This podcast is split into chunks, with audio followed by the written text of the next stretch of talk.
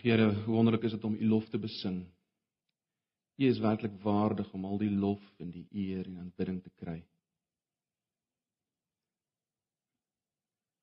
Here, ons weet U is die Alfa en die Omega, U is die begin en die einde, U is die een wat is, U is die een wat was en U is die een wat sal kom.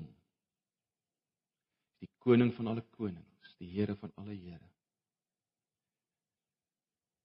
Here, ons is so bewus van die feit dat ons nie U genoeg aanbid met ons hele wese nie. Ons weet dis waarvoor ons gemaak is. Ons weet dit is alleen waar ons ook ons eie grootste vervulling vind as ons U aanbid en, en tog doen ons dit nie en daarom bely ons dit ook as U gemeente en as individue. Vergewe ons. Ag Vader.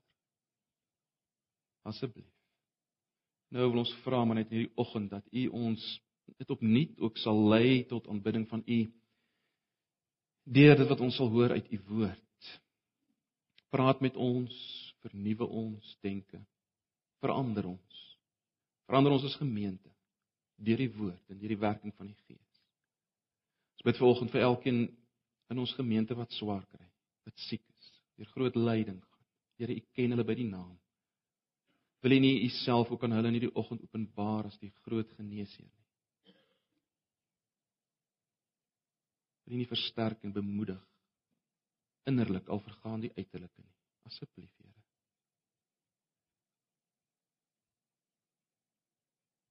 Ons bid vir elkeen wat weg is op vakansie op baie gaan wees. Ons vra Here dat U ons sal bewaar. Ons almal ons weer veilig sal terugbring om U saam te aanbid en saam in die wêreld in te beweeg soos U. Asseblief ons vra dit in Jesus se naam Amen. Broers en susters, kom ons bly vanoggend na Matteus hoofstuk 12.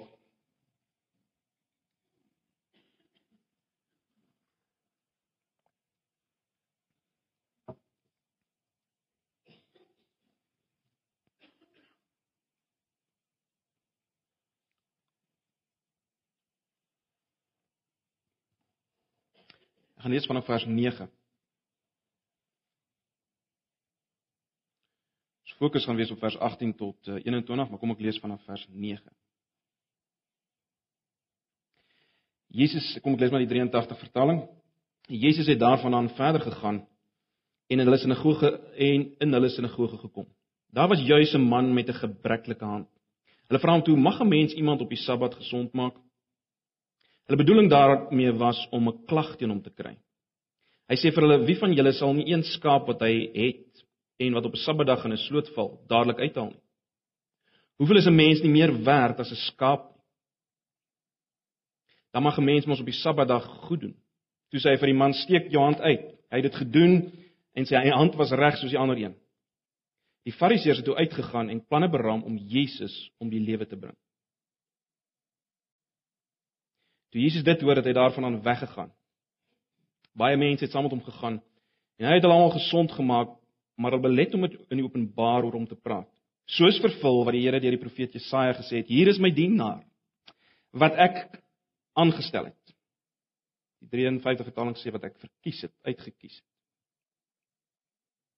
My geliefde oor wie ek my verheug. Ek sal my gees op hom laat kom en hy sal die wil van God aan die nasies bekend maak. Hy sal nie twis nie en nie skreeu nie en niemand sal sy stem op die strate hoor nie. 'n Riet wat geknak is, sal hy nie afbreek nie en 'n lampet wat rook nie uitdoof nie. Hy sal die wil van God laat seëvier en op hom sal die nasies hulle hoop vestig. Ons lees net so ver.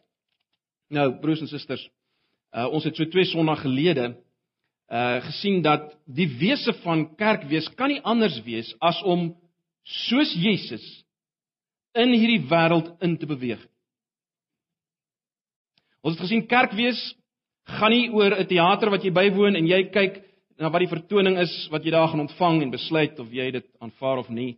Kerkwees, gemeentewees gaan om daaroor dat jy soos dat ons saam gesamentlik soos 'n liggaam soos Jesus in hierdie wêreld in beweeg en doen wat hy doen. Dis waaroor ons gepraat het twee Sondae gelede. Ehm uh, ek herhaal maar net wat Johan gesê het, daar is 'n CD beskikbaar vir elke familie oor hierdie preek as jy nog as jy nog nie een gekry het nie gaan uh, neem dit. Nou vir oggend Voordat ons volgende kwartaal na die boek Efesiërs gaan kyk, ons gaan besig wees met die boek Efesiërs. Voordat ons gaan besig raak met die boek Efesiërs, wil ek hê ons moet vanoggend net nog 'n keer bietjie kyk na hierdie Jesus.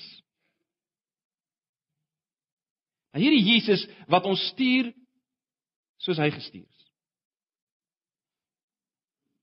Wil jy ons met 'n prentjie kry van hom?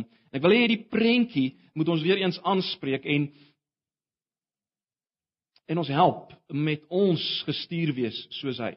So ons gaan kyk na hierdie prentjie van Jesus en na wat die implikasies daarvan is ook by, eh, vir ons as gemeente en as individue. En die prentjie wat ek wil hê ons moet na kyk is die prentjie wat Matteus vir ons gee hier in Matteus 12 spesifiek van vers 18 tot 21. Maar voor ons kyk na vers 18 tot 21, uh kom ons maak net 'n opmerking oor die konteks hier. Julle sou dit raak gesien het. Ehm um, die Fariseërs het beraadslaag om Jesus om die lewe te bring. Hoekom? Want Jesus het 'n man op die Sabbat genees en volgens hulle was Jesus dan daarom 'n uh, 'n wetsverbreker, ongehoorsaam aan God. En daarom wou hulle Jesus doodmaak. Ons sien dit in vers 14, né? Nee, daarop het die Fariseërs uitgegaan en saam raad gehou teen hom sodat hulle hom kom ombring. En dan sien ons in steede daarvan om by wyse van spreke die wapen op te neem en in 'n geveg te gaan met die Fariseërs onttrek Jesus. Hy bly stil, hy onttrek. Maar selfs as hy onttrek, gaan hy rond en genees mense, raak mense aan.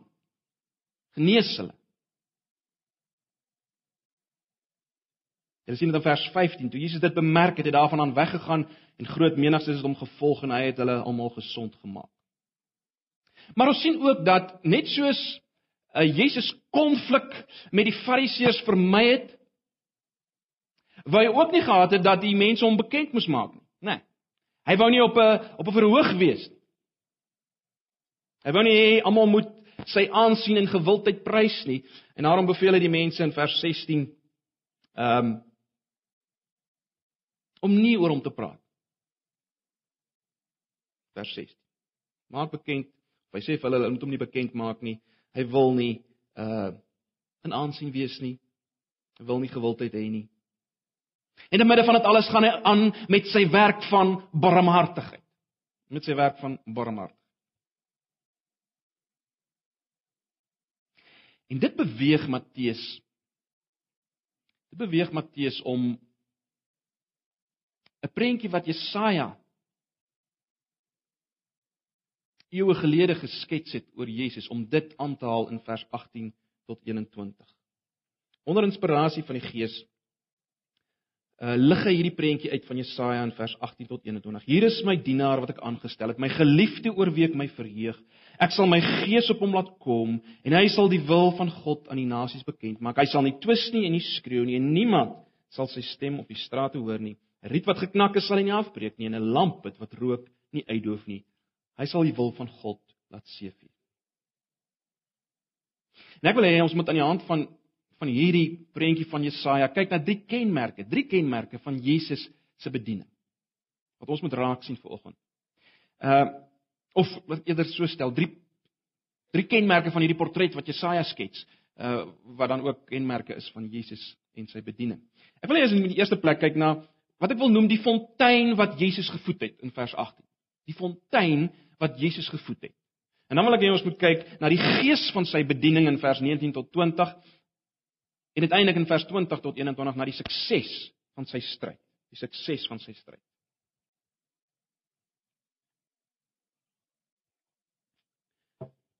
So kom ons kyk eers na die fontein van Jesus se lewe. As jy bewyse van Spreuke uh, as ek dit so kan stel, langs die stroom van Jesus se lewe opklim. Jy klim langs die stroom van Jesus se lewe op tot die hoogste punt. Goed, as jy met ander woorde, ek moet herhaal net, as jy langs die stroom van Jesus se lewe by wyse van spreuke opklim tot by die by die oorsprong van daai stroom van sy lewe. Kom ons noem dit die fontein. Wat vind jy? Wat vind jy? Kyk na vers 18. Kyk na vers 18 van Matteus 12. Hier is my dienaar wat ek aangestel het, die meer letterlike vertaling soos dit in die 53 vertaling kry. Hier kyk my knegg wat ek uitverkies het. My geliefde oor wie ek my verheug of dan letterlik die 53 vertaling my geliefde in wie my siel 'n welbehae het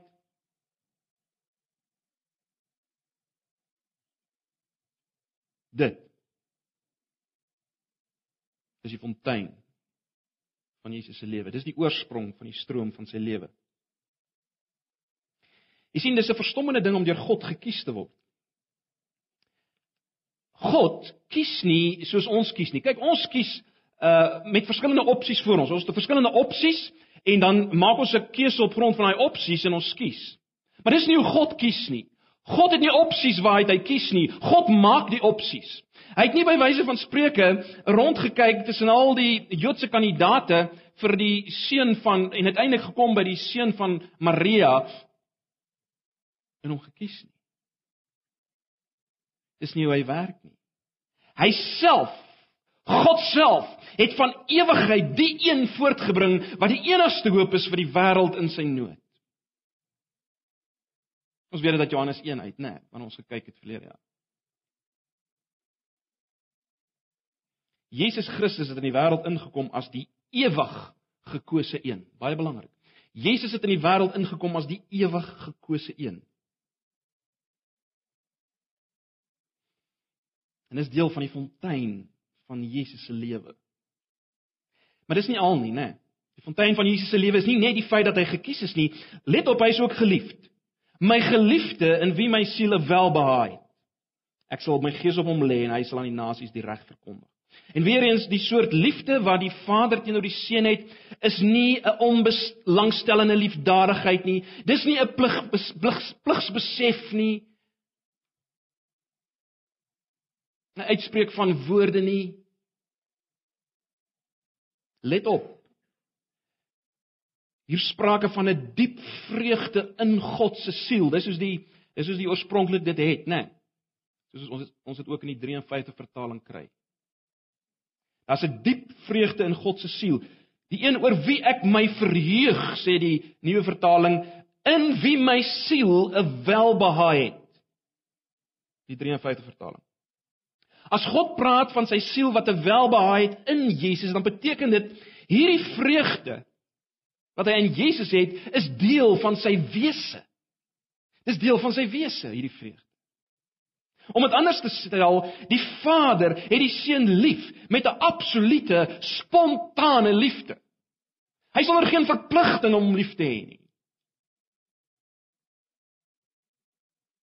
Kom ek stel dit so wanneer hy na Jesus kyk, sien hy dit wat vanuit sy wese vir hom die mees passievolste genieting bring.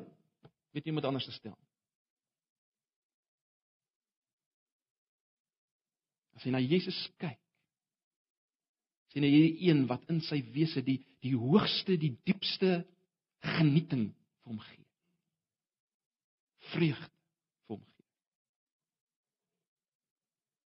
Broers en susters, wat natuurlik beteken dat God die Vader 'n afgodsdienaar sou wees. As hierdie een in wie hierdie vreugde vind, nie sy eie beeld was die heerlikheid van sy eie beeld was nie. As hy nie sy eie heerlikheid in hom gesien het Jesus is God se grootste vreugde broers en susters, want Jesus is God. Jesus is God se grootste vreugde want Jesus is God en die fontein van Jesus se lewe, sy bediening, sy gestuur wees is dat hy gekies is, geliefd is, geniet word deur God as God. Deur God as God. En vanuit daardie verhouding, daardie ongelooflike verhouding, vloei alles van sy bediening. Dis die bron, dis die fontein. En alles van sy bediening vloei voort daaruit. En dit bring ons nou by ons tweede groot punt, die gees van Jesus se bediening. Die gees van Jesus se bediening. Vers 19 tot 20. Hy sal nie twis nie en nie skreeu nie en niemand sal sy stem op die strate hoor nie. 'n Riet wat geknak het, sal hy nie afbreek nie en 'n lamp wat rook nie uitdoof nie. Hy sal die wil van God laat seëvier en op hom sal al die nasies hulle hoop vestig.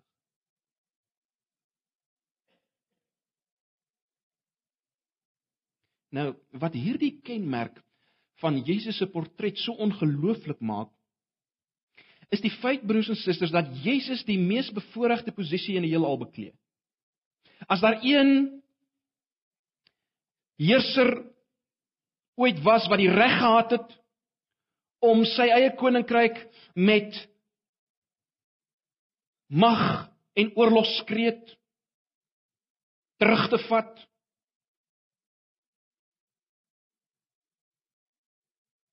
Ander woorde op 'n opspraakwekkende manier dramaties. As daar een was wat dit kon doen, is dit Jesus. Was dit Jesus? Hy het absolute mag oor elke skepsel. Alles is syne. Hy het die reg om so op te tree. As 'n een was wat so kon optree met met oorlogskreet en geweld, as ek dit so kan stel was dit hy. Maar wat ons hier sien is geweldig, né? Nee.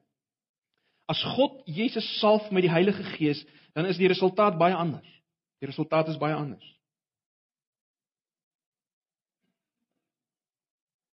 Jy sien as die rivier van jou lewe diep loop, dan kan dit vredevol wees.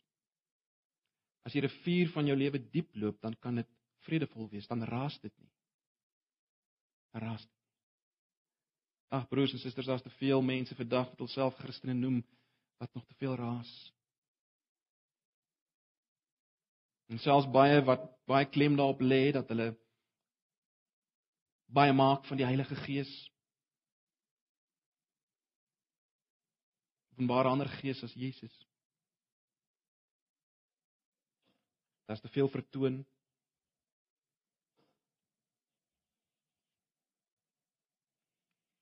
Jesus, as ons na hom kyk, hy het bloot sy werk gedoen. Hy het gewildheid vir my. Jy sien die koninkryk van God, die koninkryk van Christus is nie van hierdie wêreld nie. As dit van hierdie wêreld was, ja, dan sou daar botsings wees. Dan sou daar vertoon wees, harde redenasies en krete van geweld. Maar die koninkryk van Christus van God is anders. Dit lyk nie so nie. Dit klink nie so nie. Dit is nie vol gevegte en geweld en redenasies nie. Die koninkryk van God is soos 'n mosterdsaad. Klein, maar word magtig. Dit is soos 'n suurdeeg wat in 'n 'n 'n brousel ingemeng word. Dit kom as geregtigheid en vreugde en vrede in die Heilige Gees. Dis die koninkryk, Romeine 14 vers 17, die koninkryk van God geregtigheid, vrede in die Heilige Gees en vreugde. Dit word ontvang deur die wat soos kinders is. Dit oorwin deur die mag van waarheid, liefde en geestelike krag. Dis die koninkryk van Christus, die koninkryk van God. Die gees van die bediening van Jesus is die gees van teerheid teenoor die wat gebroken en swak is. sien julle dit? Vers 20 is 'n is 'n pragtige kwashaal in die prent van Jesus, is dit nie? Geweldig. 'n Riet wat geknak is, sal hy nie afbreek nie.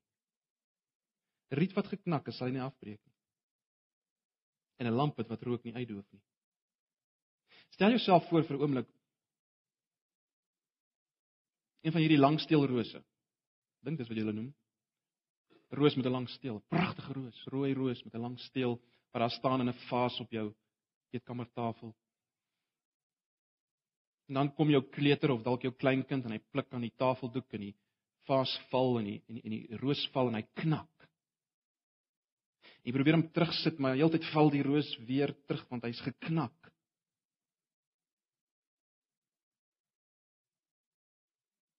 En dan vat jy skerm knip hom af. Sit hom een kant. En hoop jy kry ander een wat sy plek kan vat. Dis nie soos Jesus is nie. Dis nie soos Jesus is nie. Hy breek nie die geknakte riet nie.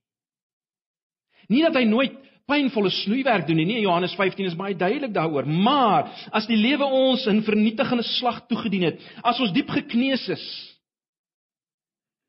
in ons gees en ons kop is op die grond in desperaatheid. Dan kom Jesus nie verby in by wyse van spreek en sê: "Ag, arme drommel." Knip hom af.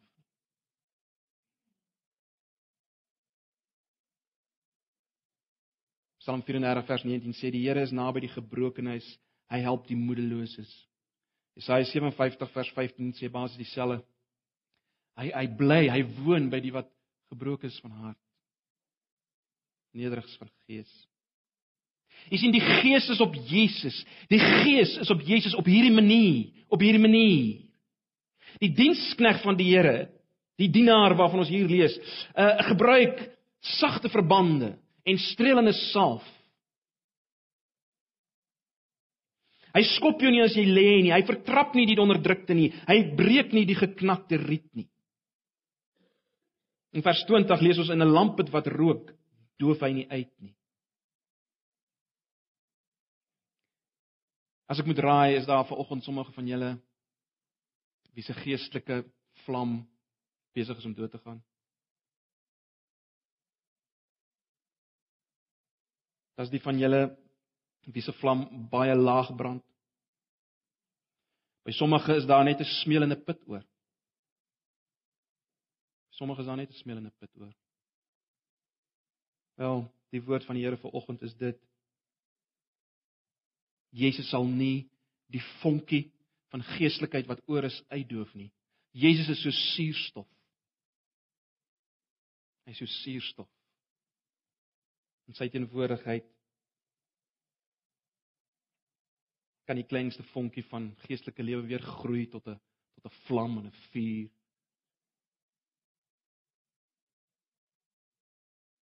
Johannes 3 vers 17 sê God het nie sy seun aan die wêreld gestuur om die wêreld te veroordeel nie, maar sodat die wêreld deur hom gered kan word. Dis die gees van Jesus se bediening ook vir die wat vanoggend in hierdie toestand is. En nie is van julle. Onthou dit. Daarom moet ons na hom kom met groot vrymoedigheid. Maar nou Broers en susters, hierdie hierdie is geweldige vertroostende woorde.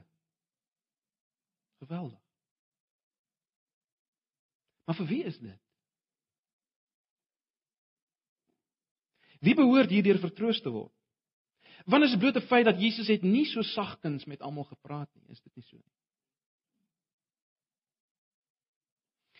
Die geknakte riet en die dowwe lampe broers en susters is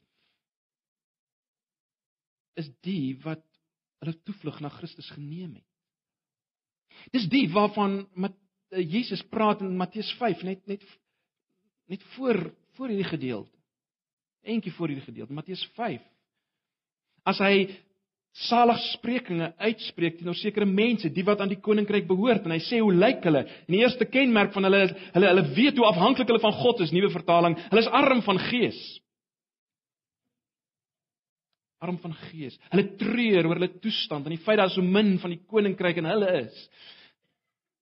Dis hierdie mense.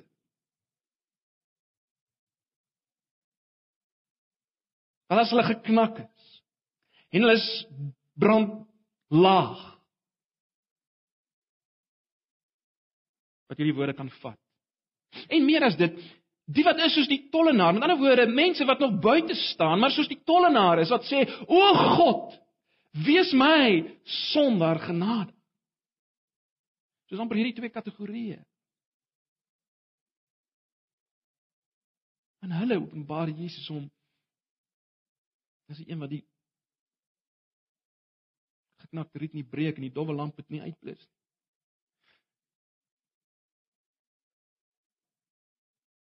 Maar daar's 'n ander groep mense teenoor wie Jesus anders optree. Die vir wie hy in vers 7 die volgende sê, kyk net op uh, of laat net julle oë opgaan na vers 7 toe ons het nie dit gelees nie. Sin vers 7 sê as julle begryp het wat dit beteken Ek verwag barmhartigheid en nie offers nie. Dan sou julle nie mense wat onskuldig is veroordeel het nie.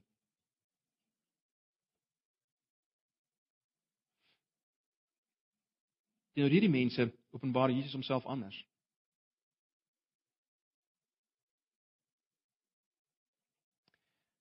As jy miskien net terugblaai na Matteus 9, want Jesus hierdie uitspraak in vers 7, dis nie die eerste keer wat Jesus so tipe uitspraak maak nie. Kyk na vers uh ekskuus na Matteus 9 vanaf vers 10 tot 13.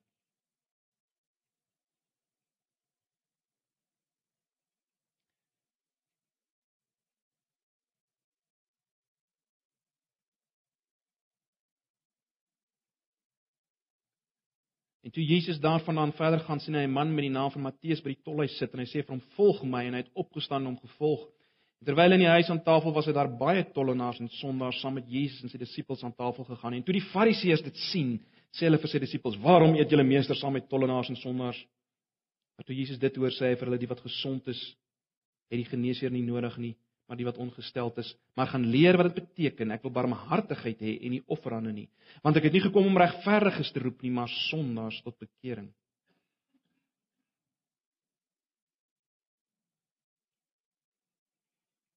Dan oor Jesus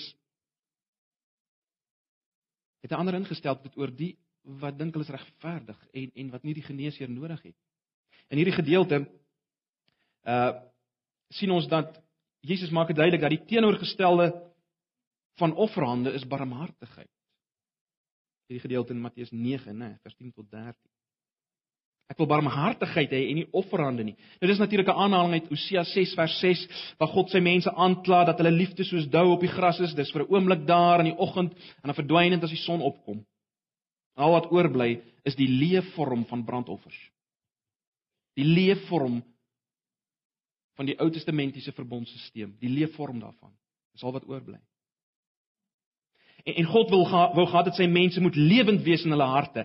Hulle hy wil hê hulle moet 'n gevoel hê en emosie teenoor hom en barmhartigheid teenoor eh, teenoor mekaar. Hy wil nie 'n uh, 'n uh, 'n uh, hê uh, mense moet net bloot deur godsdienstige pligte gaan elke dag nie en dit op 'n formele manier uitvoer nie. Hy wil dit nie hê nie. Hy het dit nog nooit gehad het vir sy mense nie. En in Matteus 9 sien Jesus sondaars as siek en miserabele mense wat 'n geneesheer benodig. Alhoewel hulle selfs ryk uh, geld vers, uh, die die, die, die ryk geldverskuiwers van die dag was, nê, nee, die tollenaars. Uh, ook hulle het die geneesheer nodig. Hulle was siek. Hulle was siek. Hy het die medisyne gehad. Nê. Nee. Maar belangrik Al wat die Fariseërs sien was 'n probleem. 'n Seremoniele probleem. Hulle sou besmet word as hulle saam met die sondaars eet. Hulle lewe was was skynbaar 'n meganiese implementering van reëls, né? Nee. Iets geweldigs was hier in Matteus 9 op die spel, maar hulle kon dit nie sien nie. Hulle kon dit nie beleef nie. Hulle was verslaaf aan die kleinlikhede van wettisisme.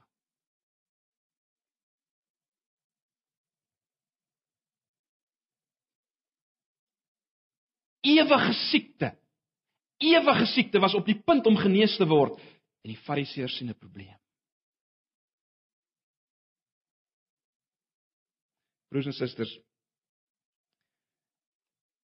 ek het dit al vir julle gesê by ander geleenthede, die teenoorgestelde van barmhartigheid is die gebondenheid aan godsdienstige beselagtighede, kleinlikhede.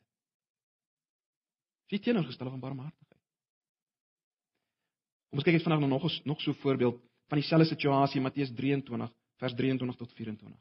Matteus 23 vers 23 tot 24. Kom ek lees dit vir julle.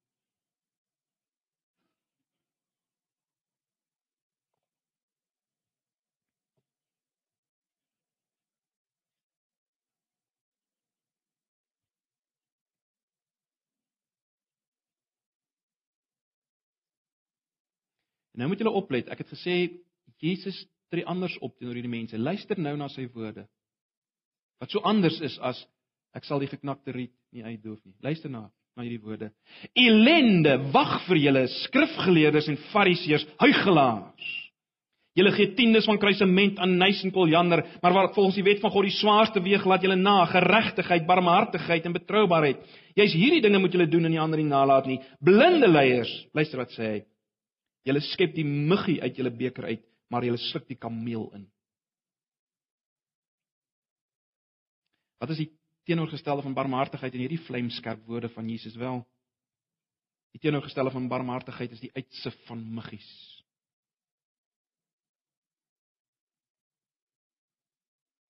Die, die redeneer oor bestaan my tiende uit my bruto bruto of my netto inkomste. Al hierdie tipe dinge.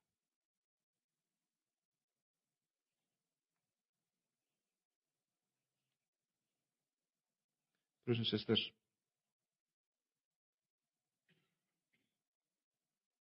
Wat ons hier moet raak sien net so terloops, dis nie ons hoofpunt vir oggend nie, maar wat ons hier moet raak sien is dat dat die groot struikelblok en die vyand van barmhartigheid in ons lewens is om besig te wees met met godsdienstige beselagtighede. Die uitsig van muggies. Die gebondenheid aan hierdie beselagtighede is die vloek van die onbarmhartige.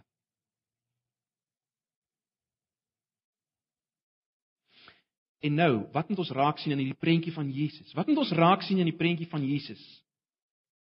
Wat sê dit ons? Wat sê dit vir in die eerste plek vir ons van Jesus as Jesus so praat?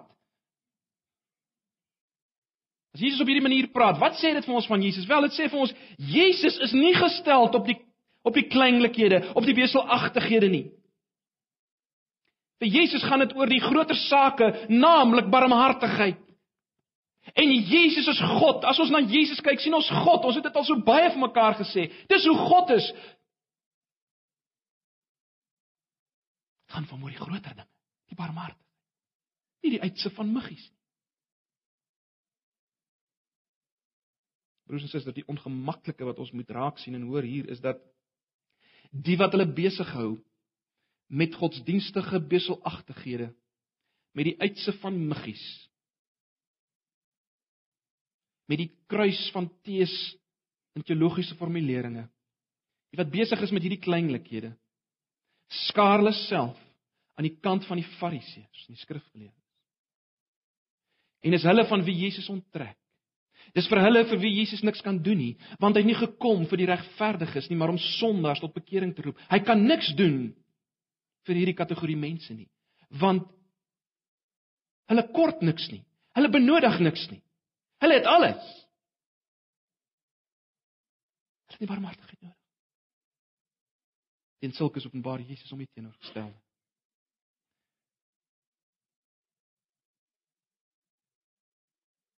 Maar natuurlik as jy aan die kant is van die siekes en die gebrokenes, dan kan jy staat maak op hierdie prentjie van Jesus. Wat die geknakte riet nie breek en die dowwe lamp nie uitdoof nie. Net baie vinnig die derde Die derde punt van hierdie prentjie is die, die sukses van Jesus se stryd. Ons het nou gekyk na die fontein van Jesus se lewe, dat hy gekies is, geliefd is en geniet word deur God. Ons het gesien wat is die gees van sy bediening? Gees van teerheid en barmhartigheid. Kom ons kyk net vinnig na die sukses van sy bediening in vers 20.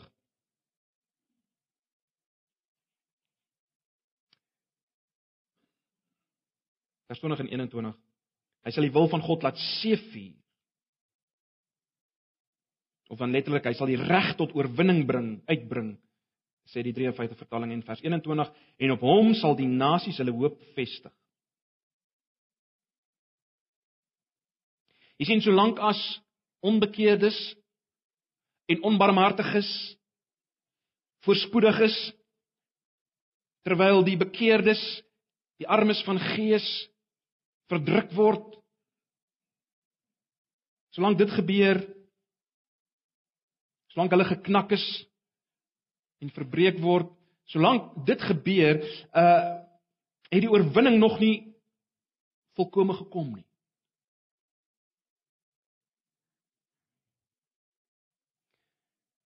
Maar hier word beloof in in hierdie aanhaling uit Jesaja uit dat dat die reg sal kom, die oorwinning sal behaal word, die bordjies sal verhang word. Ons dink weer Matteus 5, die sagmoediges sal die aarde beerwe.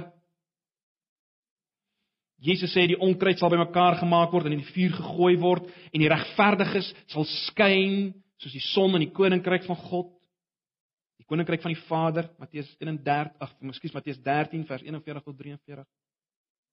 Jesaja gee sy eie kommentaar op hierdie deel as hy in Jesaja 11 vers 3 tot 4 sê hy sal nie regspreek volgens uiterlike skyn nie en nie oordeel volgens hoor sê nie. Hy sal die armes billik verhoor en die ootmoediges in die land regverdig oordeel. Hy sal die goddeloses in die land hard oordeel. Met sy uitsprake sal hy hulle om die lewe bring. Hy sal regverdig en betroubaar regeer. Jy sien uiteindelik sal reg geskied. En die onbarmhartiges wat hulle besig hou met godsdienstige beselagtighede wel, hulle sal gestraf word. Die geknakte riete, die dowwe lampe, dit sal opgewek word in heerlikheid saam met die Vader. Sal skyn soos die son in die koninkryk van die Vader, die wat nou geknak is. En dof brand. Dis waar. Want die oorwinning sal plaasvind. Hoekom? Hy is die oorwinnaar. Die finale oorwinningsslag is geslaan op Golgotha. En daarom is dit waar en sal dit waar word. Kyk na daai belofte heel aan die einde in sy naam of kom ek lees dit dan maar soos dit eh, soos die meeste van julle dit het vers 21 en op hom sal die nasies hulle hoop vestig of dan op sy naam sal die heidene hoop vers 21 in die 53 vertaling nê nee. In sy naam sal die heidene hoop Jy sien, hierdie boodskap van van Christus se se teerheid en sy ontferming en sy barmhartigheid is nie net vir die Jode nie. Dit is vir mense uit elke volk en stam en taal en nasie en, en daarom kan ons vanoggend daaroor praat en ons daaroor verlustig want dit is ook vir ons. Almal wat hulle hoop plaas in Jesus. Dis 'n belofte. Die nasie sal hoop in hom. Kom ons sluit net af met 'n paar implikasies broers en susters. Vir ons as individue en ons as gemeente. Kom ons dink net weer oor die fontein van Jesus se lewe. Dit sê die die fontein het gesê van Jesus se lewe is dat onder andere dat hy God se grootste vreugde is. Wat sê dit vir ons? Dit sê vir ons dat as ons God se grootste vreugde wil wees, moet ons in Jesus wees by wyse van spreuke, in hom wees.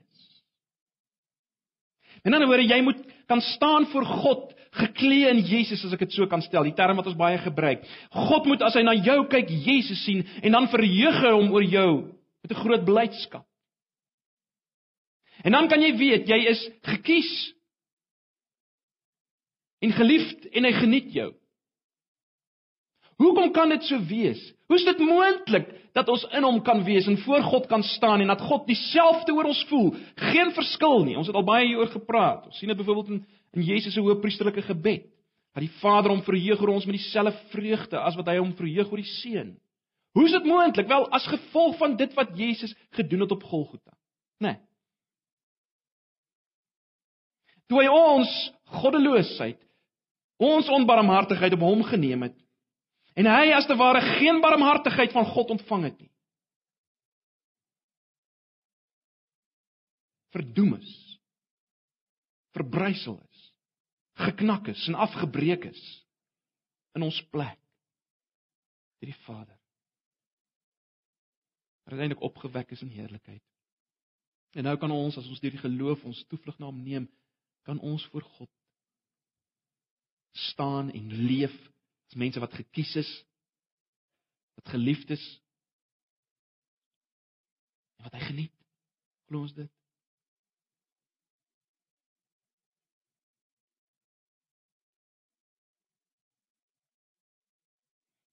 Ek het al by geleentheid by huwelikspreke gesê, dis die dis die goed waarna ons almal verlang, nê. Nee, ons ons wil gekies wees. Ons wil geliefd wees. Om nou by te voeg, Ons wil hê mense moet ons geniet. Van kleins af probeer ons alles doen om om in daai posisie te wees. Al die aandag wat ons trek, al die tantrums wat ons gooi. Dis eintlik omdat ons dit wil hê. Wel, God gee dit vir ons in Christus Jesus. Ag, sal ons dit nie hoor nie. Jy het vanoggend nog baie hard probeer om om dit te kry by ander. Wel, vlug na Christus, kom in hom in. Dis wat ons moet raak sien. En nou baie belangrik, as dit die fontein van jou lewe raak. Onthou ons het gesê dit was die fontein van Jesus se lewe, daaruit vloei sy bediening. As dit die fontein van jou lewe raak, as dit die fontein raak van Antipas se lewe, dat ons gekies is deur God, geliefd is deur hom, dat hy ons geniet. As dit die fontein word, dan dan dan kan ons begin bedien soos Jesus en inbeweeg in die wêreld soos Jesus.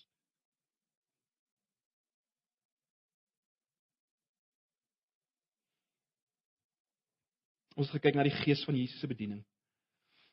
Ag, en broers en susters, in die eerste plek en ons het daar daaraan geraak. In die eerste plek gee dit natuurlik vir vir elkeen van ons ontsaglike bemoediging en hoop. Dit sê vir ons jy kan nooit te stikkend wees en te gebroken wees en te dof brand vir Jesus nie. As jy sy kind is en jy behoort aan hom, hy sal jou nie breek nie, hy sal jou nie uitblus nie. Nee, dis nie waarvoor hy gekom het. Hy wil juis jou vlam aanwakker. En as jy hier sit as as 'n nie-Christen en jy's volgens gebroken en jy besef dit wat die tollenaar besef het, o God, wees my genadig. Dan kan jy dit ook vat. Jy's nie te ver weg nie. Daar's hoop, daar's verlossing in Christus. Maar aan die ander kant, waar skiet dit ons as gemeente? Hierdie gedeelte, is dit nie dat ons ons nie sal besig hou broers en susters met godsdienstige beselagtighede nie. Dat ons nie ons sal besig hou met die uitse van muggies nie. Want dan bevind ons ons aan 'n ander kamp. Dan maak ons onsself teenstanders van Jesus soos die Fariseërs wat teen hom begin staan. Mag die Here ons daarvan bewaar. Raak ons onbruikbaar. Dan raak ons onbruikbaar as gemeente. Die oomblik as ons in daai kategorie begin val, mag die Here ons daarvan bewaar. Ons elkeen as individu in ons as gemeente. Ons mag dit nie duld in mekaar. Ons mag dit nie mekaar duld nie. Soos Jesus dit nie geduld het. Maar dan net laastens. As ons as gemeente en as individue deel in hierdie gees van Jesus se bediening, wel, dan is die belofte ook daar vir ons, is dit nie? Die uiteindelike triomf en hierdie belofte dat die nasies sal hoop in Christus. As die mense rondom ons dit sien wat hulle in Jesus gesien het, die barmhartigheid, die teerheid, dat die geknakte riet nie afgebreek word en die dowwe lamp het nie uitgeblus word nie. As as as dit in ons gesien word, broers en susters, dan kan ons weet dat ook ons as gemeente soos Jesus hoop sal gee vir die nasies. Dan kan ons weet dat mense sal tot bekering kom. Mense sal hulle wend tot Christus. Mense sal nuut gemaak word en deel kry aan hierdie heerlikheid. Dis 'n belofte, 'n heerlike belofte. Uh wat vir ons hier gegee word as ons deel nie net aan die bron, die fontein wat Jesus in gedeel het nie, maar ook in die gees van sy bediening. Mag die Here ons genadig wees hier. Kom ons bid saam. Ag Here, baie dankie vir die woord.